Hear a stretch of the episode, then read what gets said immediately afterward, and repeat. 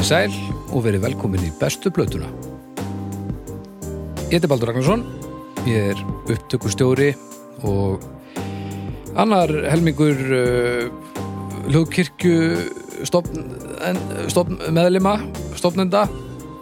Halló. Mjög gott. Ég heiti Baldur Ragnarsson. Hæ! Ég kunni að tala.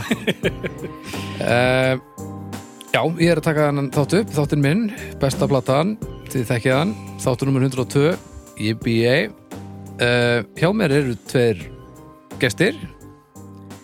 Uh, Þeir eru fróður um tónlist.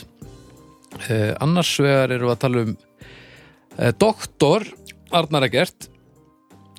Doktor í tónlistafræðum. Læði í Skotlandi hérna enni Edinborg. Hvað var þetta langt nám? Wow, þetta var einsásmastersnám og síðan Eins ás mastersnám einsás mastersnám. létt Létt, þetta hafa létt. já. Miða við fimm árin sem fóru síðan í doktorinn. F- f- fimm ár Fimm ár. shit Hvað er þetta að gera í hversu fimm ár? lengi getur maður eiginlega að tala um eins og beð sko Ég, þú ert með kvíðanút í 95% tímans og síðan bara bombar þess út. Á hvaða árabili var þetta? 2013 til 2018. já, þetta er rosalegt og saknaru Edinborgar? Mjög mikið. Nú, við byggum hennar fjölskyldan í þrjú ár og það var greinilega nót til að festa einhvers konar rætur og ég finn fyrir svona alvöru heimasöknuðu. Sko. já, já, já og hvað heldur þú að er þetta að flytta ánga aftur ykkur tíðan?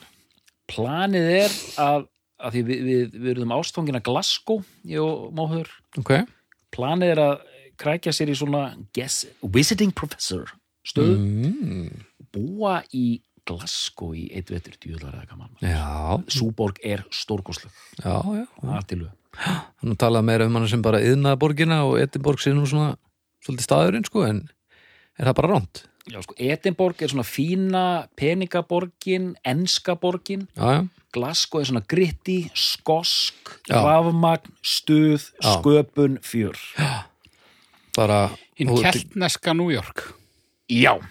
Wow Herðu, Haukur uh, Haukur Viðar Alfredsson nýjasta viðbót bestu plötunar kemur sterkur inn hérna með, með, með hérna frasana Líkingamál. með líking, lí, líkingamáli Rammaði inn heila borg þarna í einnig setningu. Þú ert ekki doktor Nei. en þú ert svona auglýsingakall hugmynd og texta smiður og, og hérna já, músík unnandi Já, er ekki. ég myndi segja það og, og hvar vinnur þú til dæmis Herðu, ég vinn á uh, auðlýsingastofunni Sirkus sirkus, já á nýjundu hæð kringlunar. Næs Þessu veld er það Nú hugsa fólk býtu, ha, nýjundu hæð? Já. Það eru bara þrjár hæðir. Já, Nei, það eru nýju. upp. Það er nefnilega ein Það er tíu. lifta, ein lifta sem, að, sem að fólk veit ekki af. Já. Þetta er hérna í fokkjúturnunum, er það ekki? Nei, þetta er bara fyrir ofan gömlu borgarkringluna. Já, Það er svona já. langur nappi ofan á, já, ofan á ok. Lindex. Og hvað er bara eins og hálsmetra lofthæðið á þessum sjöhæðum eða eitthvað? Nei, nei, ég held að það sé full loftaði sko. Já, ok. En þessi turn er hins vegar sannilega smíðaður úr gummi. Já, Ég var hérna í skjáltarhinunni miklu hérna. var það gaman? Það var ömurlegt. það var alveg ömurlegt. Já, svona er þetta. Herri, lögkirkjan. E, það er þetta sem við erum að hlusta á og, og það er ímislegt fleira í bóði e, margir þættir e, Doktor, hvað, hvað þátt myndir þú vilja koma inn á núna til dæmis? Hvað með hérna, að því mér var að hugsa til þess hérna, Snæbjörn talaði við fólk, Já, sem skemmtilegi viðtalsþáttur. jú, jú, Snæbjörn sem, að, sem að er forn og glemd minning hér í bestu plötunni hann, hann heldur út til öðrum þætti Hét hann, ekki Snæbjörn eða var það Sæbjörn? e, Sveinbjörn talar við fólk Já, hann er á, á 50 dögum Mm. og þar hérna talar Sveinbjörn við fólk uh, í rosalega löngum máli en hann gerir þetta vel og, og fólki líður vel að uh, hjá honum, í heimsókn, heima hjá honum og, og maður kynnist fólki á svolítið annan máta heldur en uh, á öðrum stöðum, þar sem maður hefur séð fólk í viðtölum Þessi þættir hafa slegið í gegn. Já, já, þetta, þetta, þetta hefur slegið í gegn þetta er það sem fólki vil þannig að já, já, hann er ekki bara hann er ekki bara eintóm fegur, hann Sveinbjörn ha. Eh, Þannig að þið tekja á því á, á, á fittudum Það vona bróðið minn sé að hlusta á þetta svona og tala um eldri bræðu sinna sko. mm Svo hérna viljum við nú tala um styrtaraðalinn okkar og, og talandi um, nú erum við með pa pakka, alveg smekk fullur uh, uh, pingill af, af, af styrtar og samstarfsaðalum í dag skal ég ykkur segja. Uh, Hvar eigum við bara að byrja? Eigum við, skulum byrja bónus. Bó, það er náttúrulega bónus er náttúrulega bara verslun sem að allir Íslendingar þekkja og, og, og eiga að þekkja. Þetta er láguru verslun sem að kom og, breytti svolítið umhverfinu hérna heima ég man vel eftir ég að hafa verið á húsæk þegar, að- þegar bónusverslun byrtist á Akureyri. Það var ægileg breyting á, á öllum húsíkingum Nú eru þær tvær. Og það var bara, já, fara alltaf að leggja, eh, leggja í langferð og, og, og smekkfylla gamla Volvo Station og, og, drösla sér yfir vikuskarið þetta er falleg minning sko. Eh, Fórstu í bónus í dag? Haukur? Nei, ég fór ekki í bónus í dag. Nú, Ég fór í bónus, uh, ég fór í sumabústaðum síðustu helgi. Ok. Og uh, það var kert, í, kert til næsta bæjar eftir vistum Já, já, já sem var Selfoss. Já, já, já. Og ég var mættur þarna svona tíu mínútum fyrir opnun. Úff, ok. Það var byðröð. Já, var, var byrður Lengst út á bílastæði var, var fólk fyrir utan bónus að býða eftir að bónus opnaði. já, Bara eins og það væri eins og bara Ed Sheeran væri að áreita uh, hljómdiska. já. Djöfull væri ógeðislega að fyndi ef Ed Sheeran væri að- árita í, í bónus og selfhósi Já, ekki, ekki það glóðlust sem ég hef heyrt en, en, en það er þið hissa samt. Já, en já, bónus er, er þetta er dásalegt batteri sem er bætt lífi mitt töluvert og held ég bara flestra hérna heima já. Þegar fólk er tilbúið að standa í röð, þá er, já, þá veistu að það er eitthvað, eitthvað í gangi sko. já, já. svo er að sjóa tryggingafélagið Mhm. það er tryggingafélagið mitt eru þið, eru þið búin að hissu upp um ykkur og, og skoða þessi mál Já, já, ég, þetta nú er vika liðin frá, frá síðasta þætti og ég þetta óð út um allt, fór inn á öll, öll alla skristu og sjófa og heimtaði að vita já, já, hvort ég væri nú gjöruglega að tryggja það já, já. Þetta er í vins- þetta er í vinslu þetta er í ferli. þetta er komið í ferli. Þetta er komið í ferli. Það er gott, en þú haukur? Já, já, þetta er í góðu ferli. Það er gott að heyra af því að það er gríðlega gott að, að, að eiga í viðskiptum við sjó. Og fyrir, fyrir mér er þetta bara fyrst og fremst þessi þjónustölund og, og viðmóti sem maður fær uh, þegar maður ætlar að tekla hluti sem þurfa að vera í lægi en ekki bara af gríðlega vangetu heldur líka sko að, að bara hreinlega kvíða þá er gott að treysta fólkinu sem maður að tala við.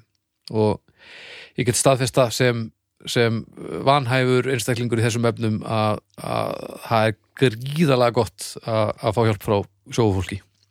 Já, þannig að ef það er einhverjir hann sem er með allt niður um sig í, í tryggingamálum og, og, og kvíða því að ætla að skoða það heyrið í sjófa, þið fáið hjálpina sem þið þurfið. Það er hjálpat núti, það er þannig. Já, já, og ég rekna með því að þið verið búin að, að, græja eitthvað mál í næsta þetti annars verið fullkomlega alveg gjörsanlega fokkin brjólaður. Mm, Já, já. Það lítur að. Fullkomlega. Herriði, pizzan. Pizzan er uh, flatböku staðurinn Pizzur eru góðar. Pizzur er náttúrulega frábærar og, og pizzunar á, frá pizzunni eru sérstaklega góður það er nú bara þannig að því að ég veit ekki af hverju það er en það virðist vera ekkert mál að halda úti pizzastað og búa ekki til frábæra pizzur. Það, það er alveg margir pizzastaðir sem að búa til svona allt er lægi pramma en samt gengur það vel. En svo eru staðir eins og pizzan þar sem við erum að tala bara um sömu verð en pizzunar eru á aðeins öðru leveli, það er bara þannig. Það eru bara aðeins betri. Það er meiri ást í, í, í botninum eða eitthvað, ég veit ekki hvað er. Og við viljum að sjálfsögum minna á afsláttakóðan sem að, pizzan er að bjóða upp á sem er hljóðkirkjan. Ef þið pantið, farið inn á pizzan.is og pantið ykkur pizzu uh, af matseðli og þið ákveða að sækja hana þá getið þið notað afsláttakóðan hljóðkirkjan eða hljótkirkjan og þá fáið þið 40% afslátt af þeim pizzum. 40% er helvít sellingur, það er almennilegt. Þannig að þið skulle gera þetta. Ef þið hafið ekki smakkað pizzunar frá þeim nú þegar þá skulle nota tækifærið og gera það hið snarasta. Og ef þið hafið smakað pitsunum frá pitsunni þá vitið þið bara hvað ég er að tala um. Þannig að þá skulle ég bara gera það aftur af því ég veit að þið viljið það. Ég get sagt ykkur það að sko ég og pizzan Já. uh, Ég kakvart pizzunni er svona eins og Metallica aðdáði sem að datt inn í hljómsveitina árið 1982 þegar hann heyrði No Life Till Leather demóið. Já. ok, Ég er náttúrulega úr garðabænum já, já, og pizzan opnaði sinn fyrsta stað bara í næstu götu við þar sem ég bjó sko. Já. Þannig að ég er búin að fylgjast með uh, lands yfiráðum pitsunar bara í nokkuð miklu návi sérstaklega þarna fyrstu árin já, glæsilegt og ég vil bara nota þetta sem upphafningu á sjálfum mér eins og, eins og þungar okkar að gera með alls konar demo og Nákvæmlega, þú varst svo djúðlega Já. snemmi í þessu Já, ég er búin að fíla pizzuna löngu ára og var cool varst þú í fyrstu bylgju? Já, ég var nú bara þegar þetta var rétt að byrja í formúlanu sko. já, já. Þetta var bara, þetta var bara hefast sko. Já, nákvæmlega Á, alls þú mættur. já, Það bara svo leiðis Heyrðu, og lokum ára Simin Pay Simin Pay, Pay. það er appið uh, sem að ég hef notað helviti lengi uh, upprunalega náði ég það til þess að leggja stæði og notaði reyndar enn þá í það því að það eru uh, lítil aukagjöld og, og mjög þægilegt í, í það allt saman en svo eru líka alltaf vikuleg tilbúð í Simin Pay appinu og það getur hver sem er náði appið. Þú þarft ekki að vera í síma viðskiptum hjá símanum heldur getur bara náði þetta og þetta er bara sérstandandi batteri. Uh, og bara svona þegar ég opna þetta til dæmis núna hérna sko í hverju viku er einhver lettkaups tilbúð og, og þau uppfærast vikulega og þetta er eitthvað þá tilbúð sem þú getur bara fundið þarna í appinu. Núna eru hérna til dæmis alls konar kaffivélar sko á, á uh, ljómandi fínum afslætti.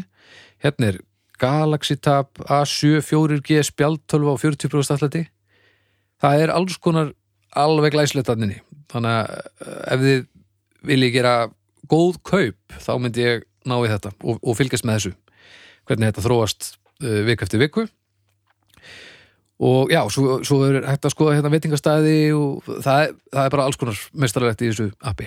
Og eins og ég segi, ég hef notað þetta lengi sjálfur og ég get vel mælt með þessu. Þetta er ógeðslega næs. Svipu sagði mitt með síman sko að hérna, þegar Arnar ekkert var unglingur þá var póstur og símið mitt stopnað bara í næstu götu við það sem hann bjó. Að fyrstu bylgu var bara, hann var einstakling nummer sjö sem kefti frímerki held ég. Já. eða fekk frímerki í ammæliskjöfu eða eitthvað svona. Ég ve veit að það er, það er í lægi að koma aldursbrandar á flosa en ég veit ekki alveg hvar við stöndum gagvart Arnari sko. Jú, endilega. Ég, ég, hvað ertu gamall? Ég er 47 ára.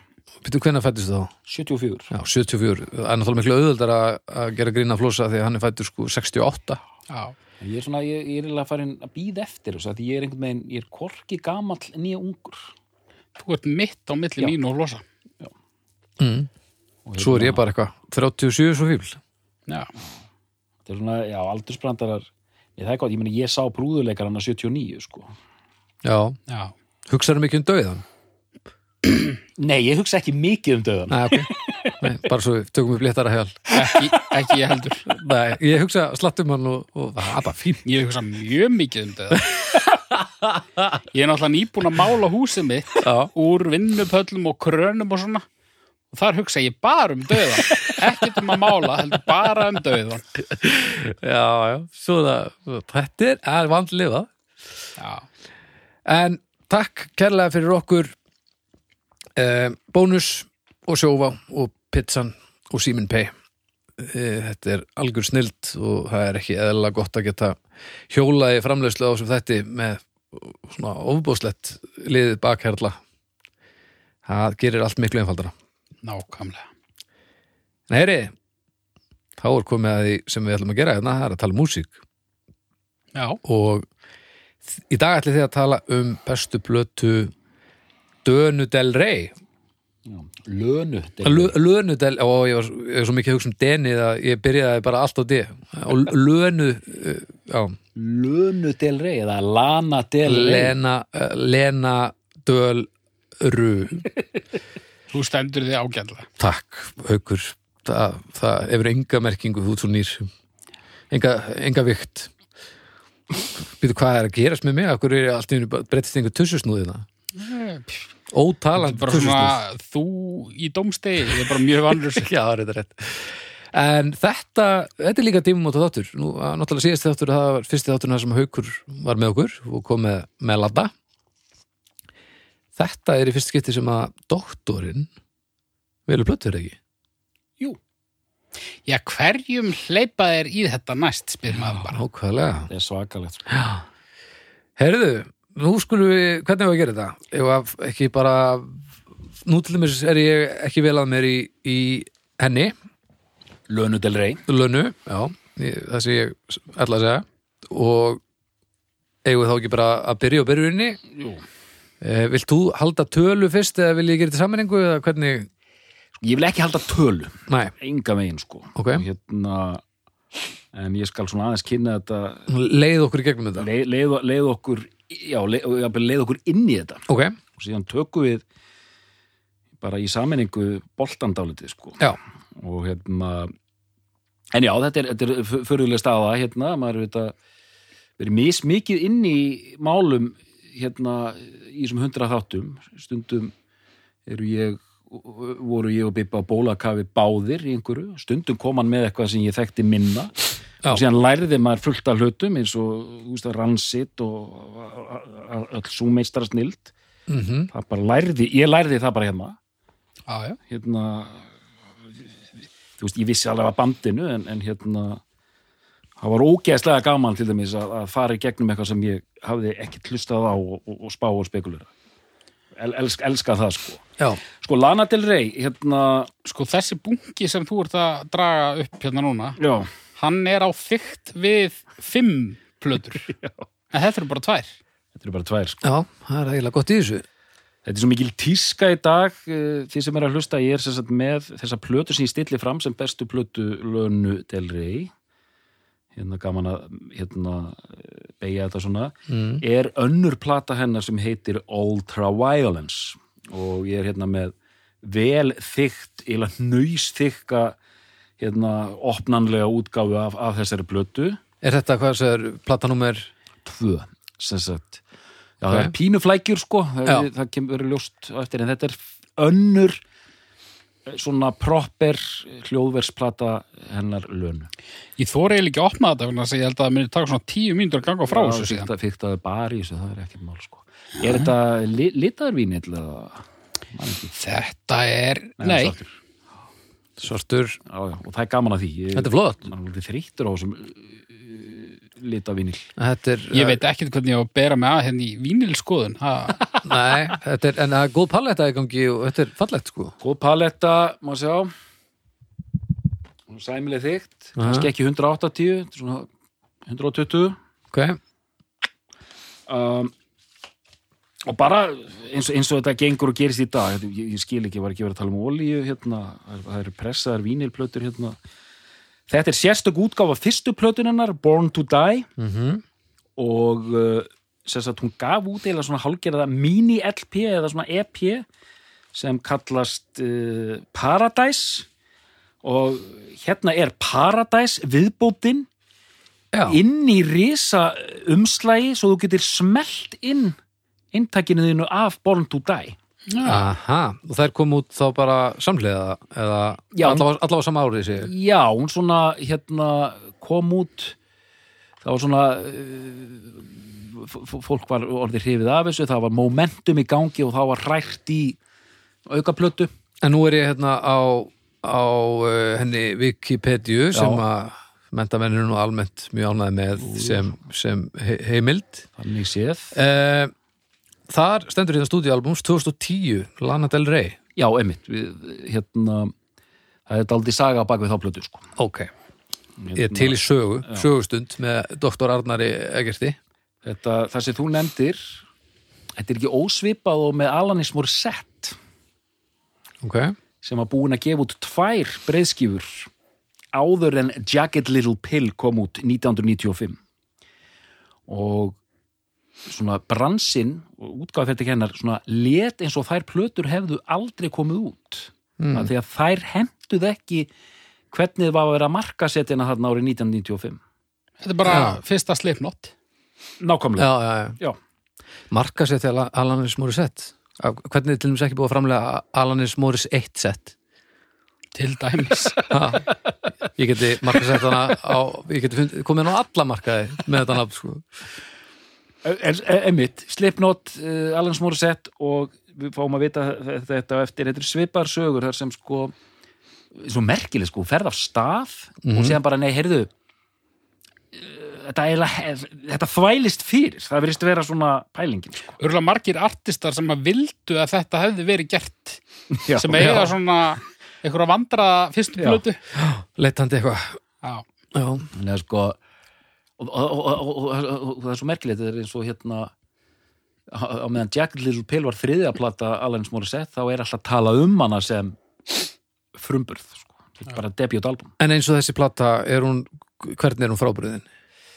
Já, sem sagt uh, uh, sem sagt svo ég hérna Þessi fyrsta. Eða var ég, var ég, já, Nei, var nei, ég, nei, nei, ég er, svona, ég er var ég að stúta flæðinu, viltu kannski bara byrja að tala um hana? Já, hérna, já, kannski förum aðeins í hérna Gerum það bara Gerum það, sko. Ég vil ekki, ég ætla ekki að taka teinunum hérna sagt, Lana Del Rey er söngkona bandarísk um, og uh, hún mér þótti rétt, þarna kemur inn ákveðin kennari sko og, og hérna mér þótti bara rétt að besta platan myndi taka það að sér til, til heilla fyrir mannkinn mm.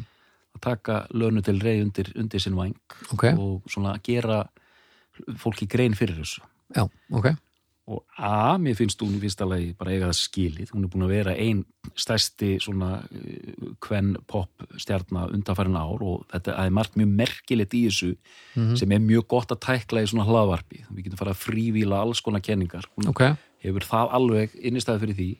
Síðan er svo, það er ekki engin tilvílun að ég er komið lönu til rey af því að þetta er það sem er það sem gömlu hundarnir rock kallanir, þeir meika þetta sko. Ok hún var á hérna forsíðu Mojo sem er sko eitt mest karlpungablað bara allara tíma.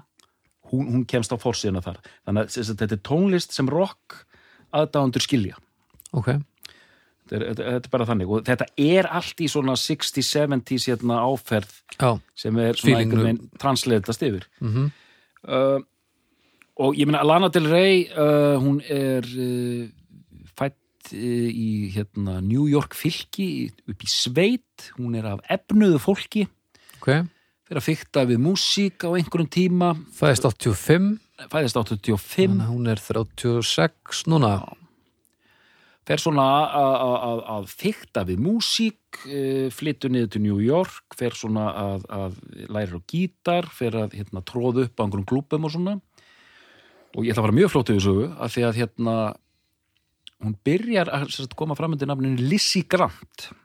Já, og þá getum við alltaf svara þessar spurningu að Lizzie Grant gefur út plötu. Hvað heitir hún? já, hún heitir einhverju mjög voldugu nafni. Hún heitir- heitir, sem sagt hvorki Lana Del Rey Nei, Lizzie Grant. Hún heitir Elizabeth Woolridge Grant. Ok. mjög hérna svona efri stjættarlegt nafn. Mm. og uh, þá kem sem Lizzie Grant þá gefur hún út breyðskíu árið 2010 Já, já, og henn er, hún er núna markasett sem að platan heiti Lana Del Rey. Já. og, og ég held að standi sko Lana Del Rey a.k.a. Lizzie Grant bla bla bla, bla, bla. og uh, uh, já, eins og ég segi ég, ég, ég, ég vil forðast innræður. Ég vil að þið komið inn, er fara svona að tala yfir nefndu mína, komið inn og með eitthvað innbútt. Sko, uh, þú stakst upp á þessu og ég hugsaði með mér, já, já, ég, ég hef heyrt í henni, ég þekki hana mjög lítið, mm. en ég er alveg til í, ég er alveg til í, í námskeið. já, já, En ég áttaði mig ekki á því hvað þú værir að varpa mér út í djúpa laug ok og seiga laug. Já, já, já. Þetta er- Full af Royal Búðing. Já, eða, já, full af Uhul. því að þetta er ekki dót sem að þú meðtekur 1, 2 og 10 Nei. alls ekki. Og uh, ég ætla bara að uh, gera reynd fyrir mínum dyrm ég er búin að uh, skóla mig svona 10% í þessu. Uh En samt búin að segja samt búin að eyða svolítum tíma. já, Já, ég er búin að hlusta á allar, allar plötuðar Ok, nokkrar oftar en einu sinni. Ok. uh, fyrstu viðbröð þetta er ekki fyrir mig mm. hugsaði ég. Ok, þráaðist við fór að heyra dót sem ég líkaði betur en annað. Mm svo var náttúrulega alltaf lag og lag Já. sem ég hafði heyrt ímist vitað að væri með henni eða ekki ok. en það var í rauninni ekki fyrir bara í gæraða fyrra dag sem að ég svona, svona fór að átta mig betur á því hver mér þætti mögulega besta platan ok, og fannst mér ég fá einhverja svona yfirsýn Mhm. og þetta, þetta er sko ég held að óaðgengilegt sé ekki rétt orðið Nei. en þetta er sko þetta er ekki húka músík nei sem eru merkilegt þegar þú segir, sko, óaðgengilegt er ekki orðið því að hún er alveg gríðalega vinsal og mun vinsall en ég held Já. og þegar þú segir trjákvoða er, er, það ekki, er þetta ekki að lýsa hvernig músíkin er? Því að hún er svo seg í, kannski óvart var ég að því en ég var kannski meira að hugsa bara hvað það er erfitt að Synda í trjákvöðu. synda í þessari tólist út af því að sko, ok uh, bara hefðbundin poptólist þú heyrir eitthvað á fyrstu tíu sekundunum sem grípur þig Já, ég viss að hún var ekki þannig nei, nei. en hún er hins vegar þannig að þú í rauninni hefur ekkit hugmynd um hvort þú fílir lagið fyrir en að það er hálnað eða meira já, já. og þú veist, það er rosa erfitt að taka svona snögga yfirferð á þessu dóti vegna þess að Demotakkin á, á diskmanninum hefði ekki gert Nei. neitt fyrir þig. þú þart alveg að gefa þessu aðtegli og, og tíma og er alltaf að sitja í þessu og, en hérna kemur smá kenning að þe- ég ætla ekki að, ég ætla að nota orðið seintekið, nei að þess að þetta er allt rétt sem þú ert að segja haukur en það er ekki þar með sagt að músingin sé merkileg mér finnst við ennþá vera og hérna við skulum fara í, í pælingar um merkilegheit aðeins setna mér finnst þú vera að lýsa sko hvernig bara músíkin er hreinlega struktúruð já, þetta er ekki ég upplifi ekki yfirlæti gafkvart hlustandanum, þú veist. Nei, nei, ná, e- þetta er mjög góða punktur. Þa, það, það er ekki verið að reyna að útiloka einhverja, hérna, það er ekki verið að reyna að útiloka bólin, skilur við nei, nei. og þetta er bara, sko til að einfalda þetta, ég meina þið þekki lagi hérna með Chris Isaac. What a thing you do I wanna fall in love. Mm -hmm. Þekkir þetta valdur? allt eðlilegt fólk hefði byrjað þetta tóndæmi á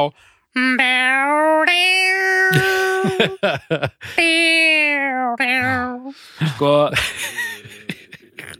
ég held einmitt að þetta lag þetta- þessi stórkosli einsmellungur hans Chris Isaac. Já, þetta lýsir dálítið skapalóninu hjá Lunu já, ok. algjörlega Þetta er uh, róleg, svona hæg, flæðandi, Twin Peaks, pínu íri, vísanir í svona 60s, 50s fagurfræði. Uh, hún er svona, það var rosa gaman að, að rúla yfir hérna dóma með þess að hvernig þetta er, þetta er svona eins og bara hérna framan á ultravæðalans, hún er, hún er sorgmætt Já, eða melankolega í þessu sko. mikil melankólia uh, það er eitthvað svona hérna, hún er svona aftengt eiginlega það er svona Þetta er rockabilly fagurfræðin en tónlistin er alls ekki rockabilly. neða, tónlistin er nánast ambient sko.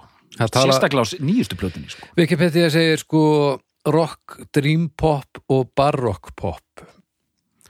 Já. já, einmitt, einmitt, það er bara uh, hérna, En er þetta, Ég veit ekki með barock pop samt. þú veist, en að því að nú hef ég ekkert, ég vissi ekki hvað vorum að fara að tala um fyrir tökur frekar og ég er mjög illað með í þessu. Erum við að, Þú veist að tala um gítarinn og þetta, er þetta svona amerikana stemmar einhver eða er þetta meira pop eða hvað? Sko, píanóið er miklu meira ráðandi heldur en gítar, myndi ég segja. Ok. Af minni, er það ekki? Er Jú, það ekki jú, rétt metið? Jú, þetta er svo, og strengir, mikið af strengjum Ok, þetta er svona hæ- hægt flæði strengir, píanóið mitt og svona, þetta er svona þú veist, þetta er eins og þetta er nánast, þetta, já, þetta er svona, svona rockabilly á, á, á einum fjórðarhraða, sko já, Djúp, svona já, já. sem fer síðan yfir í alveg bara svona hása kvíslandi lengst uppi rödd eitthvað. ok, og, svo, og svona, þú veist, hún er að í hlutverki svona, hvað er þetta, svona chantöss þetta er svona þú veist, Billie Holiday, hún er dífa en hún er svona já, Hún askar ekki þegar hún reykir. hún leiði því bara þetta. en hún er svona sko, hún er ekki kannski hérna þú veist, hún er ekki beint svona rockari þannig, þetta er svona dulúð, dulmögnuð fjarlæg kúl. Þetta er allt, allt rosa svona já, þetta er svona kúl og svona, svona, svona fjarlæg og svona þetta er svona diet Twin Peaks áhrif sem þú heyri líka sko. þetta er svona pínu undarlegt ok. en alls ekki það undarlegt að fæli fólk frá enda sko hún náði í gegn fyrsta Já. lagið sem slæri gegn heitir Video Games. Og það var gert hún er búin að gera svona 50 myndbönd eða eitthvað líka. Það er af Born to Die. Born to Die. Já, og þú veist, allir þessi leikir já, hérna þetta snýst rosalega mikið um og hérna, ég ætla ekki að segja að það gjaldfelli tónlistin hennar en óneitanlega eins og með svo marga músík sem við höfum verið að tala um hérna þetta er rosalega mikið byggt í kringum ímynd já, Já. ég meina þú veist, ok, Immortal stórkostlega hljómsveit en það, það þarf að vera alls konar sprell í gangi líka sko. þeir þurfa að fara í hérna, líkmálninguna og, og vera með ákveðin plötuumslu og allt eitthvað svona sko. já, já. þannig að hún býr sig til sem þessa kaldrænu fráhrindandi dífu og bara umslæða Born to Die þá sko er hún svona hún gefur ekkert af sér einhvern megin og bara titillin á plötunni Born to Die. Þetta er bara, ú, ok. Já. og hérna, Hún er mjög fixeruð á dauða. Já ok. Og ofbeldi. hún er að mála svolítið. Og dónaskap. Ok, já. Uh, F-bombur alveg bara, vinstri. já, hún í, bara í máli Já, en, en, F-bombur, en samt bara einhvern veginn náttúrulega sungið þannig að maður valla tekur eftir þeim. Sko. Já, já, einmitt, það er svona þessi hérna eh, og þú veist, þetta er svona þetta er líka svona cinematíst þú veist, þetta, þetta er, ég held að það sé nóg þetta er beinvísun í þessar gömlu Hollywood hérna dýfur, Greta Garbo og, og allt þetta sko. Já, já, þessar svarkvítu dýfur sem eru svona Greta Garbo er mjög gott dæmi sem var svona svona, svona, svona tilbaka cool, mhm, þetta er bara eitthvað svona þú veist, svo Lou Reed og svona. Þetta er svona fólk sem er svona pínu smeykur við sko, Lou Reed er Já. enda mjög, mjög slæmt að með, þú ert mjög hrættur við hann Reed sko, Mm. mjög fráhrindandi sko já, Morticia Adams nema ekki uppspunni. já. Já, þetta er svona, þannig að þetta er mikið er, sko, að því við erum að tala um tónlist en það er rosa mikið verið að búa til alls konar svona punktar sem fólk getur brúðist við, sko. ok, Já. Og síðan, sko, kemur þessi plata út, Born to Die, Mhm. eða hún, hún vekur svona aðtigli og Interscope, sem er bara svona frekar stórt, hérna, útgáfi fyrirtæki, pikkar hann upp. Þannig að það er farið í, hún fær allan þann meðbyr hérna upp, upp á auðlýsingarstarfsemi og, og þessur, þessur pússað á allar réttu staðina, sko mhm, ég meina, hún kemur fyrst fram í sjónvarpi í SNL, hérna Saturday Night Live, sem er bara rosalegt plattform, sko. já, Það sem hún fór einnig með gamanmál. Já. Nei. en hún fekk uh, súplata fekk reynilega svona aðeins blandaða dóma, sko Einmitt, svo plata er líka því ég hlustaði á hana eh, það er bara verið að finna finna sig, sko. já, Hún er ekki þetta er ekki alveg komið Uh, Við erum að tala um Born to Die. Born to Já. Die, sko. 2012, það er svona, þetta er ekki alveg komið en það er svona þe- þetta er að, það er verið að byggja þetta, byggja þetta upp sko. hún fer samt alveg í fyrsta á, á Billboard sko rockalbums alternative og katalóg og digital og eitthvað og, og, og, líka UK og það verður alveg sko það er mikið buss í gangi sko. já, En sko, ok, núna ætla ég að tala bara minni takmörkuðu þekkingu um þessa listakonu. það, er, það er mikið stunda í þessu þætti að tala út um raskat á sig, Já, það já. er mjög gott við mælum með því það er góðu staður til að En ég einmitt uppliða þannig að þetta var í komið þarna. Ég hlustaði á fyrstu, fyrstu plötuna já, og mér fannst hún já byrja eftir að tala um hana 2010 þarna Lizzie, Lizzie Já. Grant, Grant. já, mhm. Ég hlustaði á hana og ég fekk svona, ég er ekki að líka tónlistinni saman, en þetta er svona pínu eins og debut með Björk. mm, mhm. já, stökkið sem Já, hún er bara svona að prófa alls konar, já, sumt virkar 100%, já, það er ekkert slæmt þarna, en þetta er bara svona, þú veist, þetta er er ekki konsept. næ, En svo strax á næstu plötu fannst mér þetta eiginlega að vera komið, sko. Mm, ok. Mér fannst þetta pínu og nú ætla ég að reyna ég, ég ætla að reyna að ofnóta ekki orðið tilgjörlegt í þessum þáttum. En mér, mér fannst þetta svona jaðra við það á þessari Lizzie Grant plötu. Ok, en mér fannst það eiginlega alveg farið á Born to Die. Ok þar kefti ég þetta.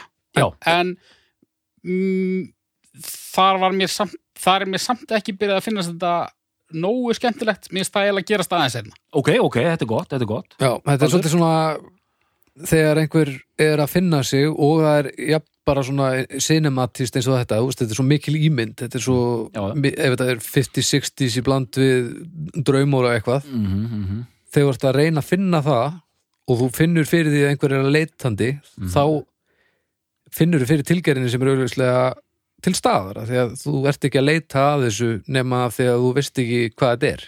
þetta er svona eðlilegt eru að það. Eðlilegt óryggi af því að þú ert að reyna að smíða þig Já, já, já. sem þýðir að þetta er ekki fullkonar náttúrulegt sem þýðir að þetta er tilgerð, sem já. þarf ekki að vera slæmt en, nei, nei, nei, en það er náttúrulega miklu betra að maður finnur ekki fyrir henni þegar að það er búið búið að græja þetta. Þetta, er- þetta er gott, þetta er Já, ég er, ég er ekki einu sinni vissum að, að þetta hafi eitthvað verið óeinlagt eða eitthvað þannig. Hún var bara eitthvað neginn, mér finnst það meira bara svona fálm í slæmri byrtu Já, og svo eitthvað neginn var hún búin að ramba á eitthvað hann á blötu 2 já, já, og nær svo taka það alla leið ok, senna. ok gott. og ég myndi vilja segja, sko, þetta er gott þetta er allt mjög gott að hérna það er hægt að draga enga síður línu, finnst mér milli Born to Die og plötunar sem kom út bara núna síðast mm að eins og þú segir haukur hún er, hún er, hún er lent á Born to Die Já. og mér finnst hún vinnur, hún, hún fer ekki í neinar hliðar, hún heldur áfram einhvern megin að hefla þetta dæmi í gegnum alla plötunar sem er að koma sko. ok, hún svona hendir inn í tilbreyði en, en, en, en, en, en, en festi sig á, á, á þessa köldu dífu eða hvað, fáum við mótmæli? Hún er lent, hún er að býða eftir töskunum sko Já, Já. og, og er svo komin út úr flugstöðinni á Ultra Violence og er í rauninni bara í umferðarnút eitthvað staðar í hafnafyrði á plötunni á leiðinni út á lefstöð já, veistu, Haukur Já. þetta var ég Þetta er- ætla að fá mig vassopa eftir þetta. Mannamál. Hegi, Jú. þetta var mjög gott. Þetta er mannamál, allir tengja það núti först í einhverjum framkvæmdum hann hjá Strömsvík, er ekki alltaf einhverjum framkvæmdir þar? Alltaf. Lizzie Grant, först í framkvæmdum. Uh, Born to Die, töskunar já, Ultraviolence á leiðinu på hótel. Já, Næs, nákvæmlega. Hérna, og eftir það getur allt gerst. Nákvæmlega Ultraviolence hérna, Og það er sérst, en bara svo ég spyri Já. Það er engin plata sem er eitthvað Íslendingapöppin eða eitthvað svo leis Jú, St- Strömsvíkur platan hennar, hún kemur senna sko. Já, já, já, já, já, ok. þemaplata bara um hérna, vinslu áls já. Ultraviolence hérna uh, sem kemur úr 2014 önnur plata margar plötur sem hún var að gera mm alveg, hún er Já. búin að vera dugleg sko, hún er búin að hérna, dæla þessu út þannig, Já. þannig séð sko Ultraviolence er hérna það finnst mér vera mjög sko cool move og ég er auðvitað að stilla henni fram sem bestu plötunni og sem getum við, ég- hlakka til að heyra hvað þú segir haukur Eða þú vilt bara segja það núna, hver hver er best að þínum að því? Uh, ég er að fara að svara þessari spurningu ég veit það ekki en ég held ekki. Já, þessi. ég, ég held að mér finnist þessi ekki best. Já, einmitt, einmitt. En vi- viltu segja núna frá hver þér finnst best eða viltu býða með það? sko einstaðan er núna og núna er ég bara eiginlega í miðju ferli. Ég bara hlustendur verða að virða viljan fyrir verkið. Það er bara ekki full klárað. Nei, nei, nei. eins og staðan er núna þá er ég uh, hændastur af uh, hennar mest critically acclaimed blödu Norman Já. fucking Rockwell Já, einmitt, einmitt, einmitt. mér finnst það pínu leiðilegt Það veri, syndi ekki móti strönnum það syndi ekki á móti strömmnum sko Hann er ekkert að synda á móti í- í strömmum í trjákvoðunni. trjákvoðu Það er ekki hægt maður Það er, einmitt, það er mest talað um Norman Fucking Rockwell og þessa. En þegar við Já. erum búinir að taka þennan þáttu upp og hann er farin í loftu og allt saman Er þetta verkefni sem hún mynd klára? ég var að veltaði fyrir mér áðan og já, ég Já. held það já, Ok, næs absolutt, ég er alveg hérna, ég er ekkert að fara að fá mér húðflúr en, en þú veist, ég er alveg til í að klára þetta verkefni sko. Ok, Sko, það eru þarna plötunar sérstaklega á milli þessarar og Norman. Það er þarna Lust for Life heitir Já. einn, og, og hérna, og honeymoon. Honeymoon, já. Honeymoon. Uh, ég þarf að skoða þær miklu miklu betur. Ég hérna, uh, þessa plötur sem ég er með hérna, þetta eru plötur sem dóti mín á, Já, ok 16 háls. Já. Og það er hún að dálítið í þessu. Hérna, Snæbjörn hefur einmitt stundu telt fram konunum sinni hérna, mm nú ætla ég tefla fram dóti minni. Já, Og ég er þetta, að því við erum hérna í hröðum hérna nútímanum, ég, ég kalla sjálf á mig Mr. Cut Corners. Ég reyna að stitta með leiðir eins og ég get. mm Og ég spurði bara dóttir minna, hver er best?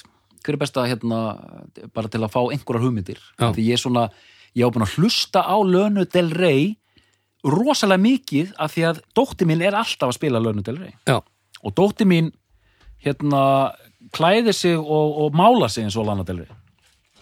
Mm og, og ég spyr hann, og hver er besta platan? Og hún segir Ultra Violence. Ég segi, nú, af hverju? Og hún talaði um eitthvað gritt og einhvern svona, bara eitthvað tötts þar, sko. Og hérna, og hún svona, einmitt talaði ítla um þessar plötur, hérna, Honeymoon og hérna, en hún talaði ekki ítla um Honeymoon, sko. Eh, Tökum þetta í réttir röð. Hún nefnir Ultra Violence og ég, síðan er ég er búin að hlusta á þetta svona fram og tilbaka og ég er eiginlega sammála á dóttur minni, sko. Að Hérna, hérna kemur Dan Auerbach, Black Keys meðlumur og snýr tökum og rennur upp sleðum og ég veit ekki hvort þú heyrðir að haukur heyrður þú soundið í henni uh, svona echo sounddaldið sko, ef við tölum bara um hljóðheim Mm. þá spottaði ég það hjálparlaust að þessi plata er, þetta er svona drunga plata, já, já, já, absolutt. Absolutt já. en uh, lengra náði ég ekki að pæla í, í, í soundi. Ég man þetta á sínum tíma að ég er búin að fylgjast með henni frá upphafi að hérna, mér fannst þetta rosa cool move að vera búin að gefa hérna, Born to Die koma að segja með svart hvíta plötu sem heitir Ultra Violence og með hérna, lögum eins og Fucked My Way Up to the Top Money, Power, Glory hérna bara svona svolítið, svolítið töff stöff sko og hérna og einmitt hljóðheimurinn er þetta er svona drungalegasta platanar Mhm. uh, einmitt svona, hún er svart hvít eiginlega, svona króm, krómaður hljóðheimurinn sko Já. Og, og, og röddin er meira í burtu, þannig að séu að syngja á næsta dal sko. Já, já. en ég uppgötaði það á þessari plötu. Mm. það er eitthvað lag snemma, ekki fyrsta lagið. Mm það er eitthvað lag snemma þar sem ég hugsaði, ok þessi listakona á að gera bondlag. Já, já, já, já, já, þetta er Mm. það er eitthvað lagana sem er bara hennar bondlag. Þetta er einmitt, hún er alveg hérna já, En sko í, í það er auðvitað mikið blótað eitthvað er hún meira brjáluð eða er, er meiri blues í henni? ekkert brjáluð, þetta er yfirleitt í s- samhenginu, hún tala mikið um að ríða þetta er ekki blót Já, hún er bara, já, ok hún tala bara mikið um ríðingar Já, ok er það, er ég í ruglinu þar?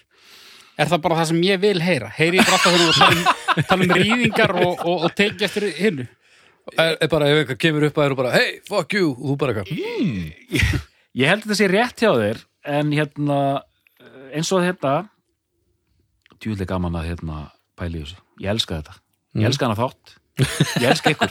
Ég meina, það, það, er eitthvað, það, er eitthvað lag á, þú veist, er ekki bara normann plötunni, bara þú veist, þú reyðst mér svo vel að ég sagði næstum því ég elska þig. ah, okay, okay. Það er bara Já, fyrsta já, já. lagið, fyrstu línunar í fyrsta laginu á plötunni, það eru Já. þessar línur, skilur Já, næs En, þú veist, ég, ég, ég heyrði þetta ekkert fyrir en ég las þetta, sko. Það sem ég tekið eftir, einmitt, hún er ekki brjálega eins og segir, að mér finnst þetta eins og svo margt hjá henni og bara more power to her, að þetta er allt hannað.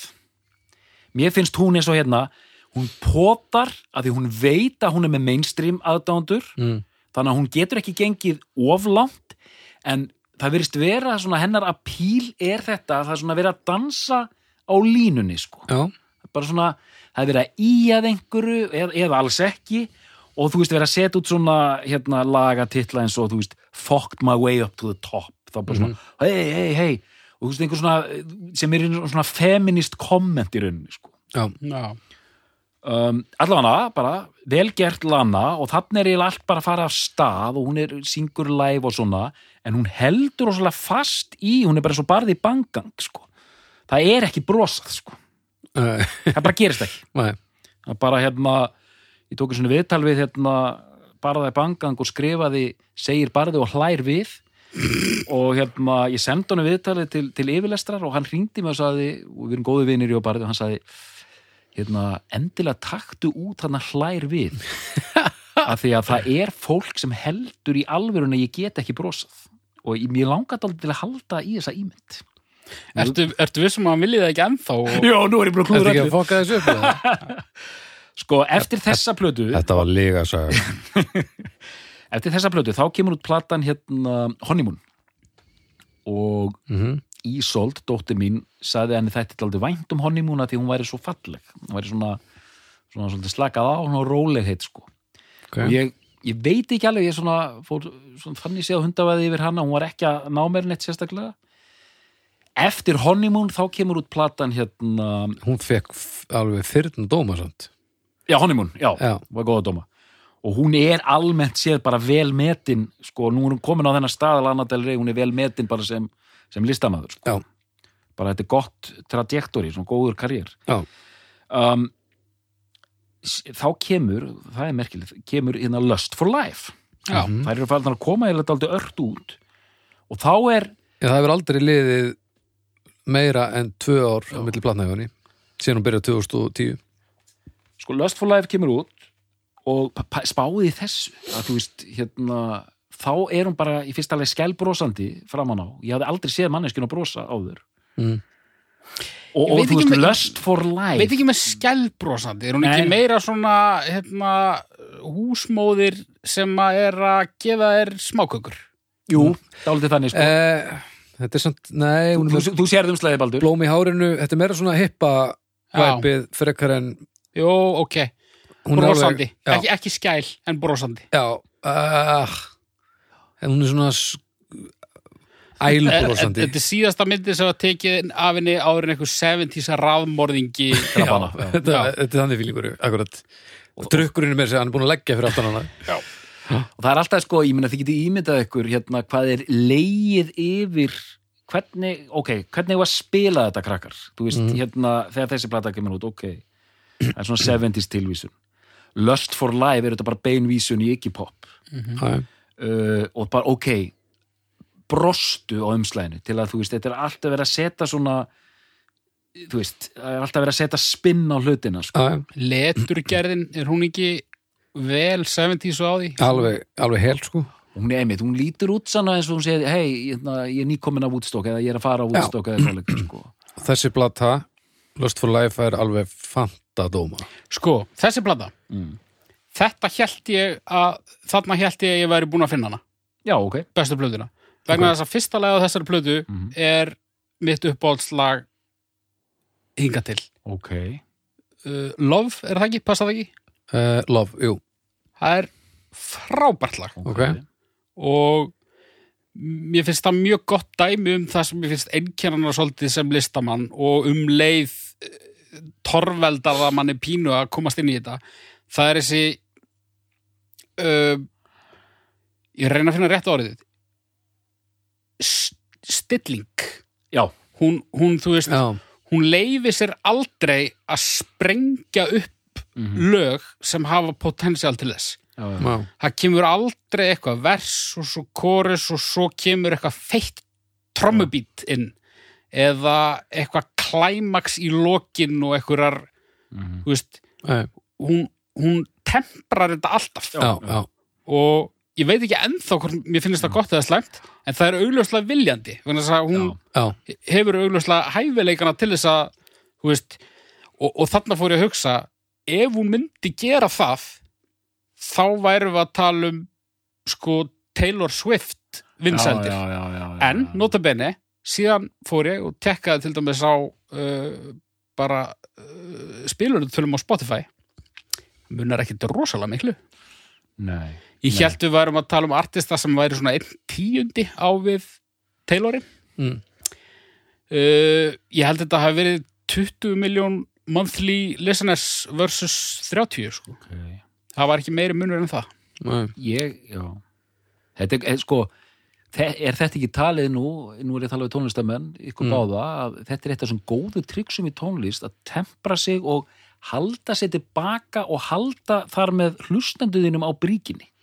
Jú, en flestir samt stilla sig ekki um að Já, koma síðan í ekki flugveldarsýninguna já, að, að, þetta verður að stefna eitthvert. Það er svona, það er leiðin sem flestir fara, sko, af því að hinn svona venjulegi hlustandi er að leita momentum en ekki heildarupplifun.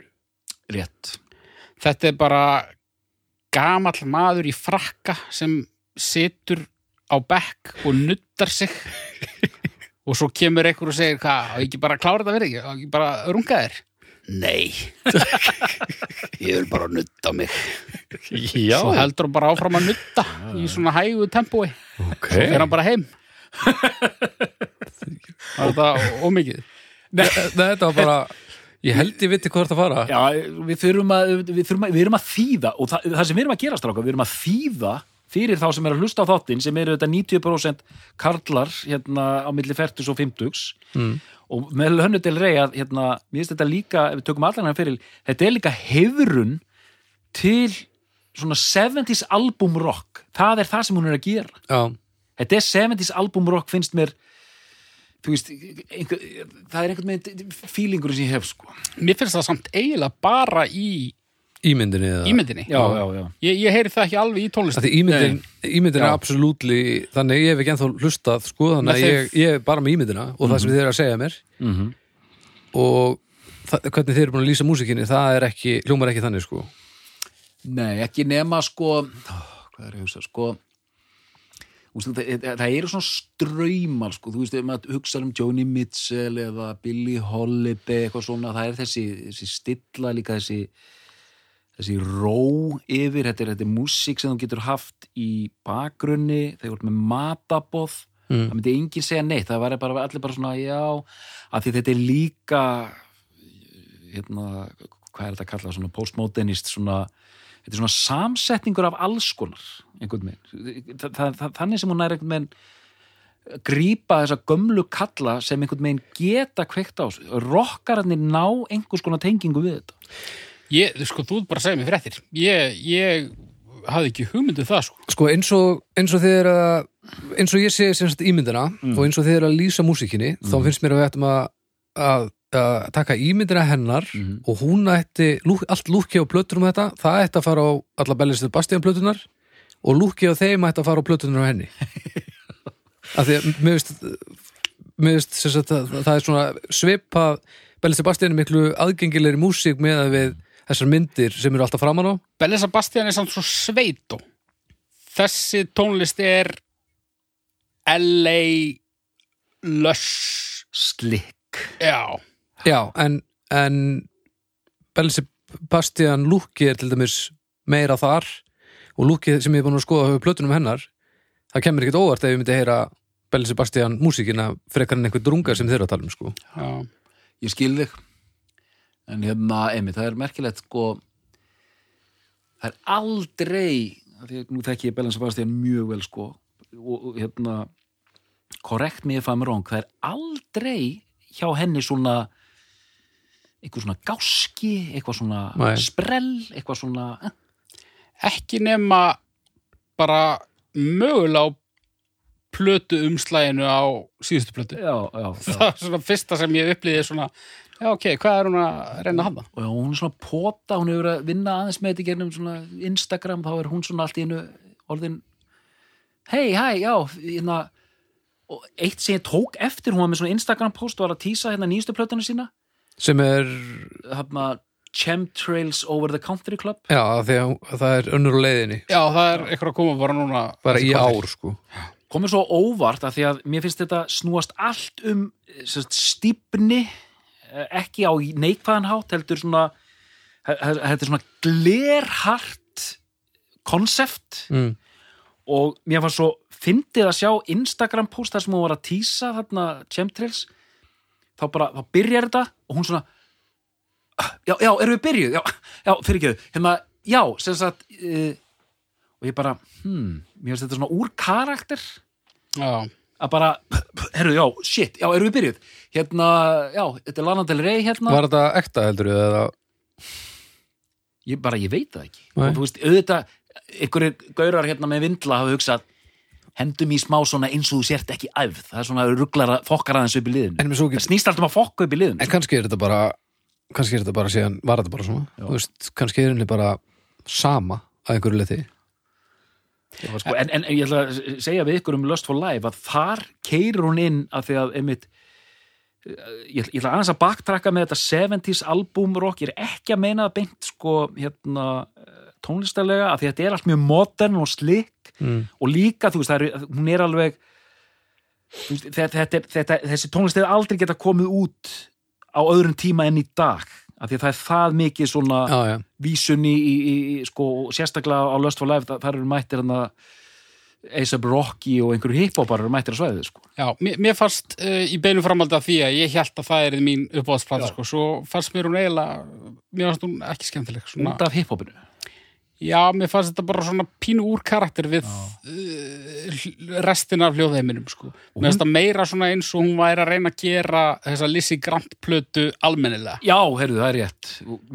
Ég, mér finnst hún eiginlega hálf misemlega þessi blata, hún er að minnst ástu umdilt. En þetta fyrsta lag er frábært. Ég bara, Baldur, þú ferði málið. e, fyrir málið Þetta er svona Halo nutt en, já, ok, Síðan Nice. kemur... en sko, en dómarnir þeir eru vegar allir góðir Allir góðir. já, Sko, síðan kemur næst nýjasta platan, það er hinn, hinn, hinn, hérna, lofaða já Norman fucking Rockwell mm. sem er líka í rauninni þá eru norðin alveg svona mjög fræg og það dýfkar meir og meir á svona gaggrinendur eru bara, hún er komin í algjörlega að dansa með þeim og svo plata er fyrir að toppa áslista og svona og allir bara þvílíkt hamingjusamir sko. Mm hvað segir þú haukur? Sko uh, Mér fannst hún bara Ég held hún sé aðgengilegust Mm, mm. ég, ég held að þetta sé bara það. Já, Ég er bara ennþá það mikill snáði í snjónum þegar kemur á lönundi rey. Já, já. Að þetta var eina platan sem að ég svona greip í fyrstu hlustun Já, ég skil. Mér fannst öll lögin fín Já, já, og sum lögin mjög góð já, já. uh, Hún er mýgri, það er mín tilfinning já, já, já. Mhm. hún er, og það er svona bara aðeins lettar yfir henni kannski já, já. Án þess, án þess að það sé verið að gefa einhver afslætti á þess að það sé verið að gera eitthvað afslæði en það eru samt svona lúmskir húkar sem eru kannski minna af á þú veist Já. Húkar er kannski ekki rétt orðið ég, sá að þú, þú snerir upp á trínið þegar Nei, nei, það, það var annað, ég, það var bara því ég var að ná í vatnið sko. Er ekki hægt að lesa neitt í það sko. en hérna en sko í lok ég, ég, ég var að spá að því þú segir lúmskir húkar finnst þér það þá ódýrt? Ne, s- sko húkar ég, ég hef ekkert fyrir mér í þessu en ég fekk smá Common Feel the Illinois Já, vibes af henni með, með súfjörn Já, ég fekk smá þannig. Hún svona uh, minna slikk og meira bara svona einhvern veginn hvernig er hún? Jú, hún er sennilega barokk pop. Já. svo komum aftur að því. En sko í lokás 2019 á, á heildar sölulistum hún fer inn á top 200 á US Billboard sko. Mm. Já, þannig að þetta hefur verið helviti stórt. Hver, í fyrsta seti jafnvel eða? nei, nei, nei, nei, hún er alveg samt 182 en þú veist hún fer í, uh, hún fer í þriðja Já. á Billboard.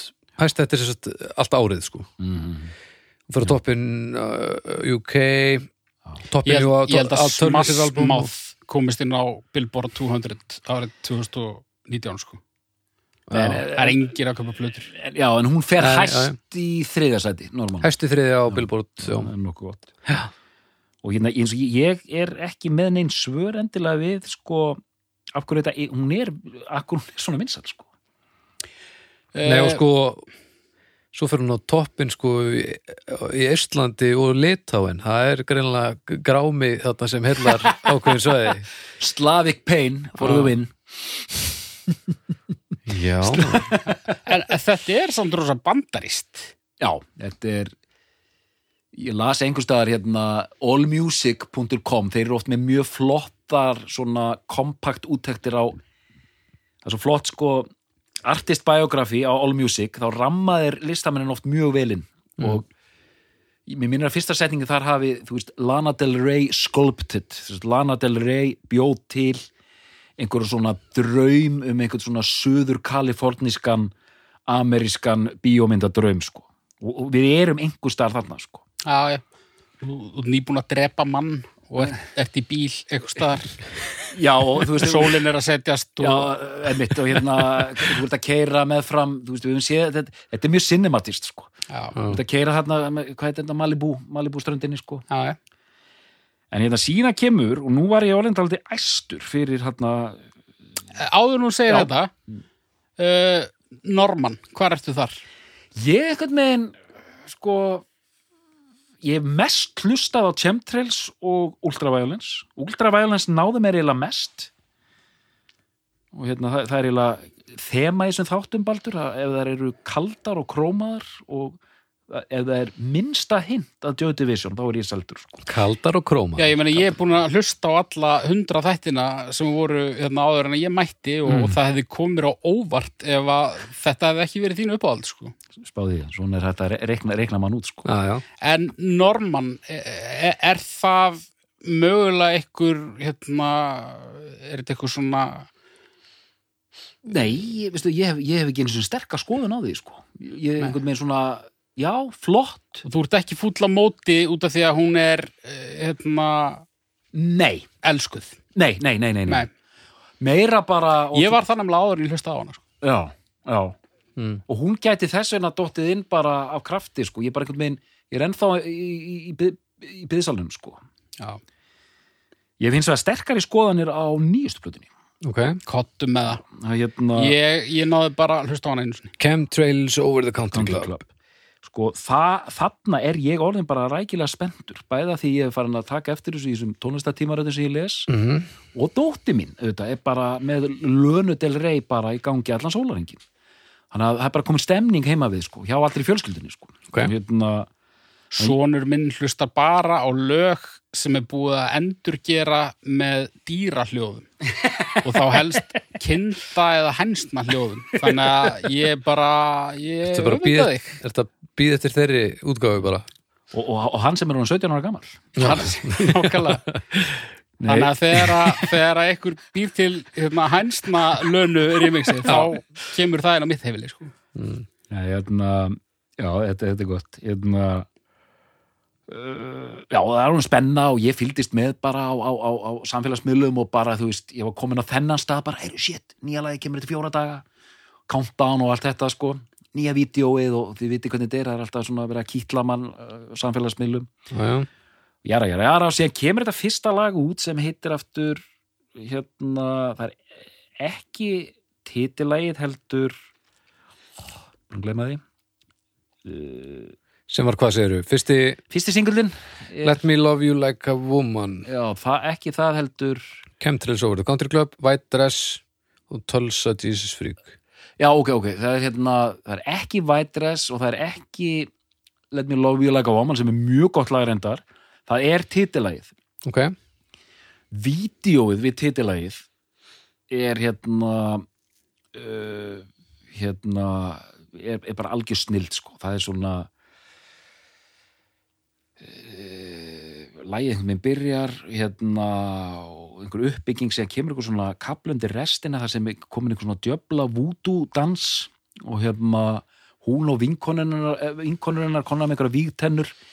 Og þetta er bara svona Twilight Zone Twin Peaks hérna geggjun í gangi sko, einhver sex mínútur sko, mér fannst það ógeðslega cool sko. Síðan kemur platan loksins öll út með þessu fáránlega kofveri þarna, hún og vinkonunnar í góðum fíling, já, hún hann að hlæjandi. Uh, en bara þess að platan, ég er búin að hlusta mjög mikið á þessu plötu, hún nær ekki landi mér finnst hún hálf misefnuð hún, það er bara einhver dofi yfir henni sko. þetta er svona eiginlega hennar ambient plata, hún rúlar rosalega bara þú tekur vall eftir því að hún sé að rúla platan sko. Þetta er bara of einhvern megin eintóna einhvern megin sko. Er bara, þetta er ekki að ná, ná landi sko. hún er að fá sumstaðar rosalega dóma já, hún er að fá fimmur já. á nokkrum stöðum sko. Fimmur og fjarkar alveg. Bara svona, ég, Ég- fekk svona bara svona missed opportunities feeling Ég held án þess að ég vilji segja stiðar yrði um, um lönu að hún sé komin í áskrift. Er það ekki? í áskrift. Bara vinsenda áskrift.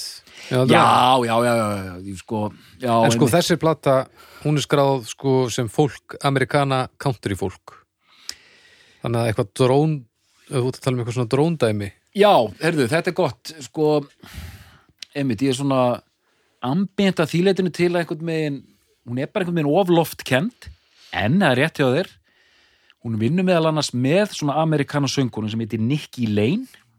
Ok, og Nicky Lane er svona það er komin svona nýr skóli í hérna í uh, Nashville.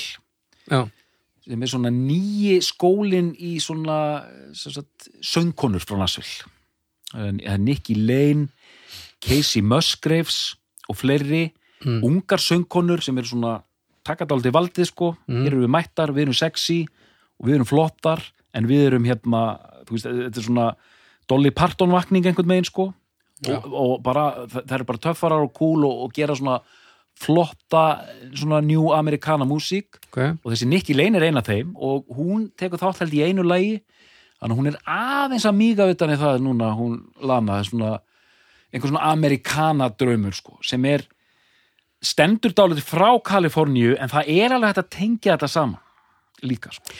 Hún, mér finnst, hún leifir aldrei korki gestunum niður einhverjum tilraunum með aðra stefnur að taka yfir. Nei, einmitt er svona, já, þannig að hún getur alveg komið víða við án þess að þú sést svikinum það sem að þú fílaðir í upphafið Mér finnst það. Já. og bara uh, aftur, ég vil ekki líkinni ómikið við Björk vegna þess að það eina sem þær eiga sammeðilegt er það að þær eru uh, fjölhæfar listakonur sem að fara eftir, sem setja sínar eigin reglur. Já, en, en, en þetta er að sama, ég meina Björk vinnur alltaf með alls konar liði og prófar hitt og þetta en já. essensin er alltaf hann er helst en, óbreyttur en það er samt alveg svolítið stórt stökk á milli útgáfa, útgáfa hjá henni sko Já, já, en hún tapar aldrei uh, sjálfri sér í, á, í nei, nei, nei. neinu, sko. en hún er náttúrulega samt líka bara svo fucking klár sko Já, já. hún er alltaf svo yfirgengilega örug með það sem hún er að gera sko En Lana er það líka Já. og hérna já, ég hlakka bara til að halda áram. já, sko þú veist, vídjóin sem hún gerir eru öll ógeðslega flott allt ótrúlega vel úthugsað og prodjúsað ógeðslega flott og alltaf þetta, þú veist, þú veist við glemdum einu, svona matmenn hérna, vísanir einhverjar Já, þa þá er annað. Mm. Þú veist, uh, hún er alveg pínu umdild. já, Hún, uh, ekkert svona, uh, það er engar bombur þarna, en hún hefur uh, látið ummæli flakka sem hafa farið öfugt ofan í fólk og, og um fólk, einhverja ákveðna eða Nei, bara til dæmis uh, hún hefur talað um feminisma og svona pínu talaða niður, samt ekki en samt pínu. Og hún svona, hún bara stuðar hinn á þessa. Og hún er líka í lúmskri svona, við getum sagt svona hérna, hverstagspólitík með það að hún hefði ekki sést í sjónvarpi einhverja mánuði þegar fyrsta myndbandið við Chemtrails kom sem var hún að syngja Let Me Love You Like a Woman live. Ok, og þá var tekið eftir því að þú veist, hún hefði nú bætt aðeins á sig. Byrja, þið viti hvernig þetta er. Já, með, með, konur að bara, þú veist, það er bara ratarinn er þarna í, í þessum viðbjós dægurmenningar frétta bransa. Auðvitað bara strax byrja að skrifa fréttir það er enginn að hlusta á lægi, það er enginn að pæla í þessu. Og Bara feitt já. fyrir mig. Já, bara ofeit fyrir mig. Já. bara sá kór byrjar.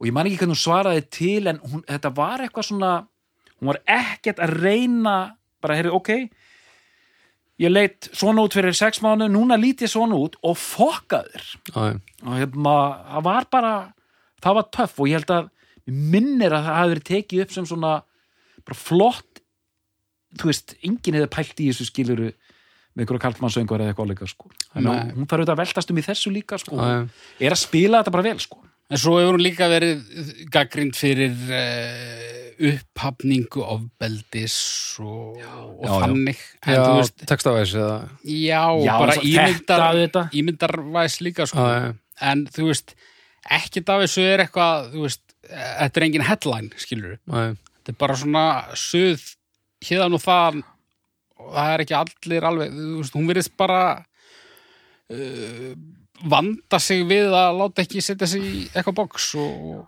og hérna já, man nú ekki hvað þetta var sem hún var að tala um feminisma það var eitthvað, ég, ég man það ekki. fólk var ekki að fíla það sko. Nei, þetta er samt svolítið eins og bara Dolly þegar hún talar um feminismi, hún vil nú ekki kalla sig sjálfa femi, feminista sko. En svo er einhvern veginn allir sammála um það hvað hann er búin að gera fyrir þá hreyfingu sko.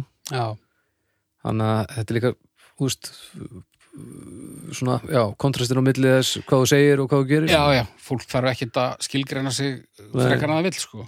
En svo hérna, hvað, daginn eftir að Chemtrails kom út þá sagði hún að hún var að fara að gefa út aðra blötu núna í ár. Já, einmitt, það var pælingin sko. í mæ komu hvað, þrý singlar samdægus, þetta búin að hlusta á það allt saman? Mæ, ég hlustaði á einhver ný lög Ok. okay. ekki hvort þau voru þrjú.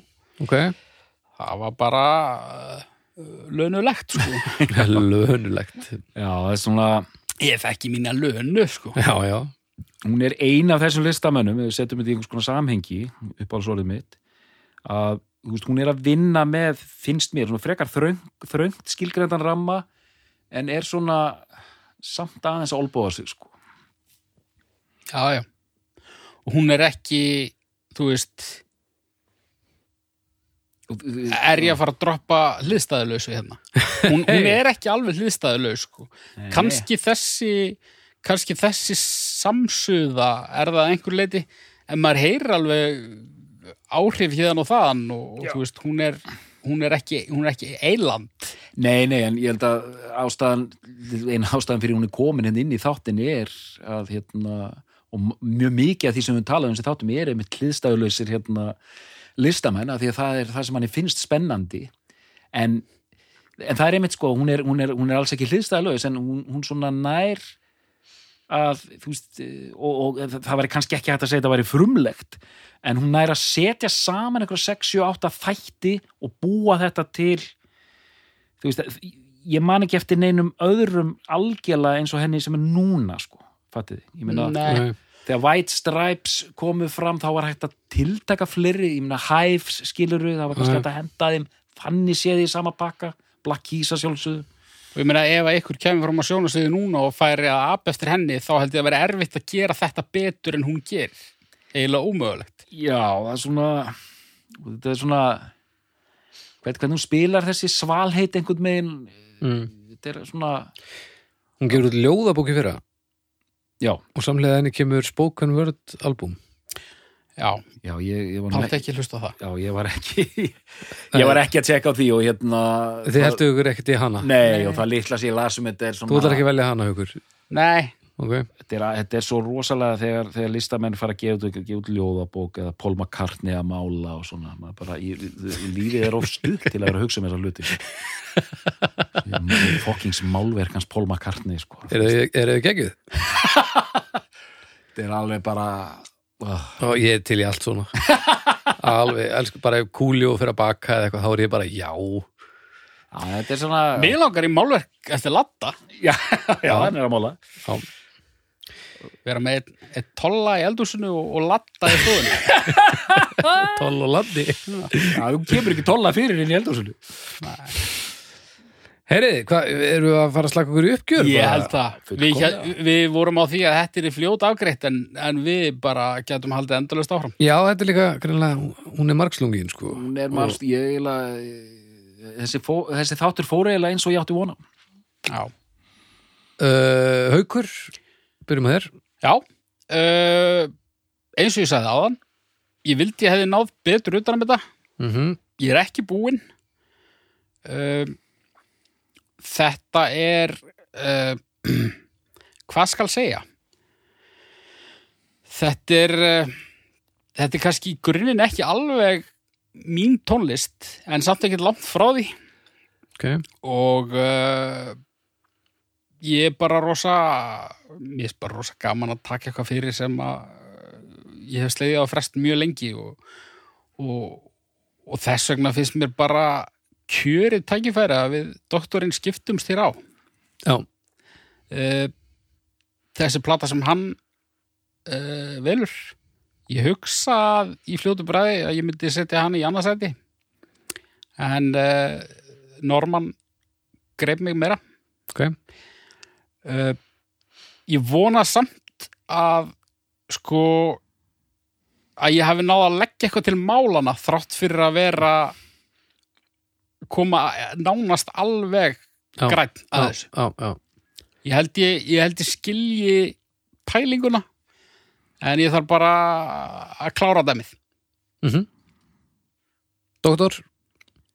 Maður er reglulega góðar pælingar hérna. Ég er mjög ánægð með þetta. Mm og einhvern veginn bara fór þetta einmitt svona eins og maður var að vonast til og ég átti að sjálfsögðu vona á maður þetta er svo öflugu mannskapur hérna. Um, Ultra Violence, já með, með, með, Lönu Del Rey sem mér finnst vera hérna besta plata hennar og einmitt er óþægilega útreiknanlegur. En, en svona er þetta bara.